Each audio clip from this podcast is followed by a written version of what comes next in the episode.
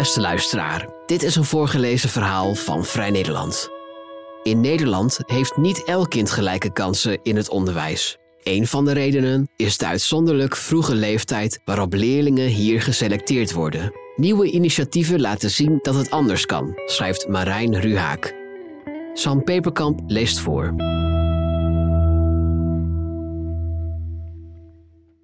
In het klaslokaal van de Amsterdamse openbare basis- en middelbare school Denise werken leerlingen in kleine groepjes aan een opdracht. Naast een jongen die volgens het basisschooladvies prima VWO aan kan, zit een meisje dat binnenkwam met een VMBO-advies. Zij kan zo naar de universiteit, denkt Luc Sluisman. Ze heeft alleen een taalachterstand, waardoor ze nog wat extra tijd nodig heeft om haar taalvaardigheid bij te spijkeren. Luc Sluisman is schoolleider van Denise, een school met nieuwkomers en internationaal onderwijs. Zijn leerlingen hebben dikwijls een internationale achtergrond en zijn bij uitstek gebaat bij een latere selectie. Sluisman zegt: Kinderen die net in Nederland zijn, hebben logischerwijs vaak enorme taalachterstand. Ze hebben tijd nodig om op niveau te komen. Op een reguliere school beland je dan direct onderaan de ladder, waardoor je al je vakken op het laagste niveau moet doen. Zonde, want dat je de taal nog niet beheerst, wil niet zeggen dat je op andere gebieden niet heel sterk bent. Hier kijken we pas na drie jaar op welk niveau een leerling eindexamen kan doen. Dat geeft leerlingen veel meer perspectief. Sluisman doet precies wat de onderwijsraad adviseerde. Om kansenongelijkheid en segregatie tegen te gaan, pleit de raad ervoor om de selectie van leerlingen uit te stellen tot na een brede driejarige brugperiode. Op dit moment wordt in groep 8 van de basisschool bepaald op welk niveau een leerling instroomt op de middelbare school. Dat gebeurt op basis van het schooladvies en het resultaat van de doorstroomtoets. Vooral kinderen met een minder gunstige sociaal-economische achtergrond en laadbloeiers stromen hierdoor dikwijls en onterecht door op een laag niveau. Dat zou niet zo'n probleem zijn als een leerling makkelijk kan switchen van niveau of diploma's kan stapelen. Maar dat gaat in de praktijk niet zo soepel. Steeds minder scholen bieden alle niveaus aan en als ze dat wel doen, gebeurt dit steeds vaker op verschillende locaties. Het gevolg is dat veel leerlingen onderwijs volgen dat niet past bij wat zij in hun mars hebben. En dat niet alleen. Jongeren met verschillende achtergronden komen elkaar niet meer tegen op school.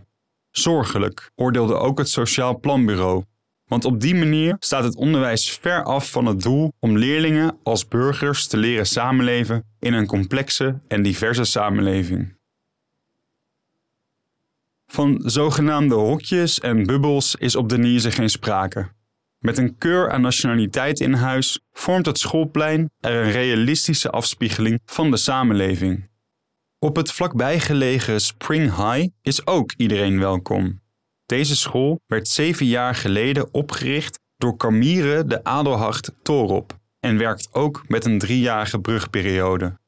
De opdracht om zoveel mogelijk schotten weg te nemen nam ze letterlijk. Leerlingen krijgen geen les in gescheiden lokalen, maar werken allemaal samen op een leerplein.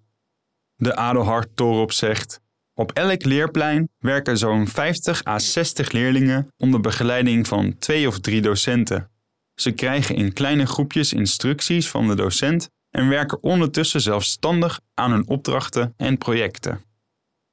Omdat leerlingen van verschillende leeftijden en niveaus bij elkaar zitten, is het makkelijk om per vak te differentiëren. De Adelhart Torop legt uit: een eerste klasser die met VMBO binnenkomt en heel goed is in Engels, kan zo aanschuiven bij een groepje leerlingen uit het tweede jaar die taken op VWO-niveau doen.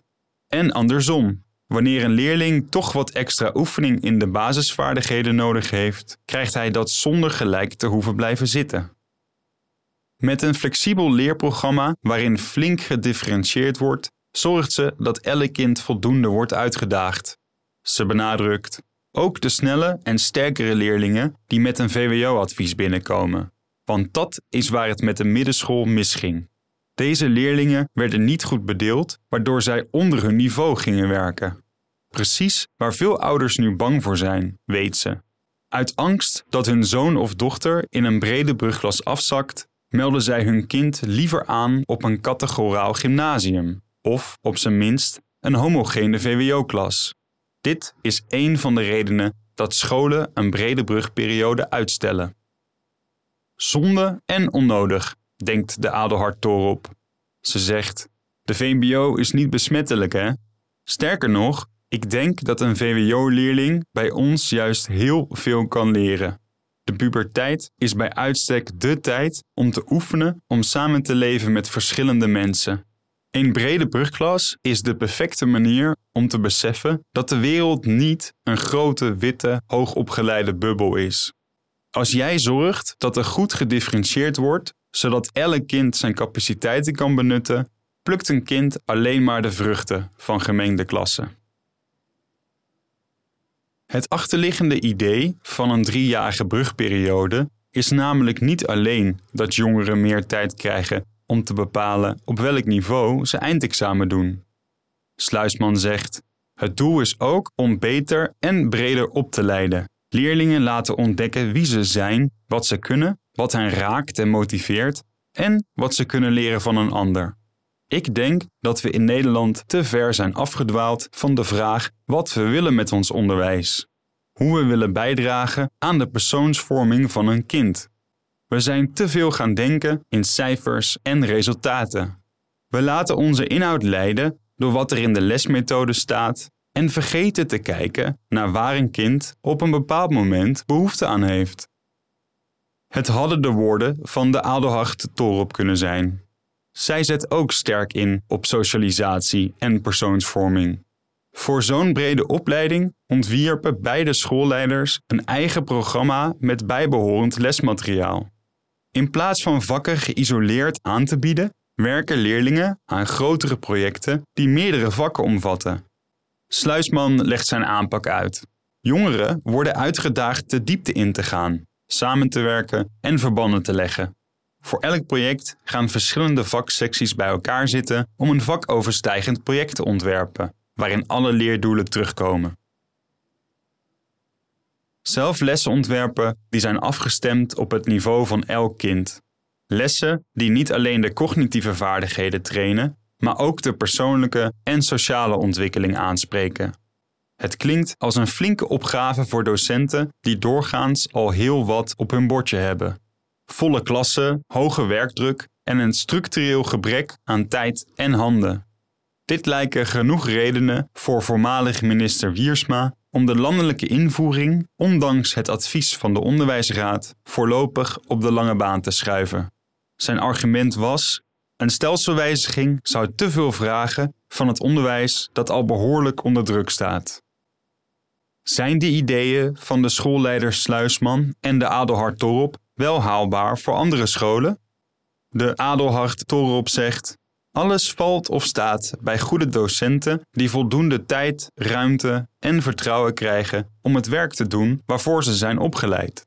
Ze ziet dat veel scholen nog niet aan die voorwaarden voldoen.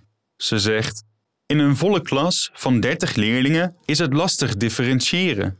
Je zou je onderwijs dus zo moeten inrichten dat je leerlingen in kleine groepjes kunt begeleiden. Sluisman denkt dat zo'n kentering tijd kost. Hij zegt: Als nieuwe school konden we alles vanaf het begin af aan opbouwen. Voor bestaande scholen is het een enorme organisatorische opgave.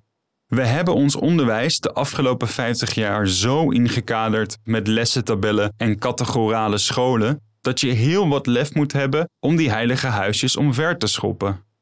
Toch hoopt hij op meer curriculumbewustzijn in het onderwijs, zodat leerlingen die meer tijd nodig hebben, zoveel mogelijk kansen krijgen. Of scholen zelf de handschoen oppakken, is de vraag. De Adelhard Torop zegt: Scholen willen wel aan de slag met een brede brugklas, maar worden tegengehouden door een vastgeroest denken in cijfers en rendementen. Ze vrezen de inspectie aan de ene kant en de ouders aan de andere kant. Het vraagt moed om je klasse heterogeen te maken als je weet dat je daarmee hoogopgeleide ouders op je dak krijgt. Ze denkt dat een verplichte invoering uiteindelijk de beste manier is om als school bij te dragen aan een meer inclusieve en harmonieuze samenleving. Ze zegt: Het is een illusie om te denken dat alle hoogopgeleide ouders massaal voor een brede brugperiode kiezen, als er ook een homogene optie is. En tot die tijd zullen scholen terughoudend zijn. Of een landelijke invoering er ooit gaat komen en de brede brugklas straks gemeengoed is, de Adelhard Torop verwacht van wel en zegt: Je ziet al een verschuiving in het maatschappelijke debat. Langzaam beginnen we te beseffen dat de kenniseconomie zijn langste tijd gehad heeft. We schuiven op naar een welzijnseconomie, waar je het niet gaat redden met alleen een flinke portie kennis en een mooie cijferlijst. De Adelhard Torop denkt dat de behoefte aan veerkrachtige burgers die inzicht hebben in hun eigen handelen en met elkaar en elkaars verschillen kunnen omgaan, alleen maar zal groeien. Ze concludeert: Uiteindelijk vraagt dat om onderwijs dat breder opleidt. Een brede school waar de ontmoeting centraal staat.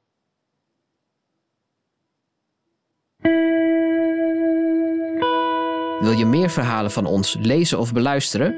Kijk dan op vn.nl of abonneer je op Vrij Nederland in je podcast-app. Voor onze trouwe luisteraars hebben wij ook een speciale actie. Een half jaar Vrij Nederland online voor maar 15 euro. Kijk voor de aanbieding en de voorwaarden op vn.nl/podcast. Bedankt voor het luisteren.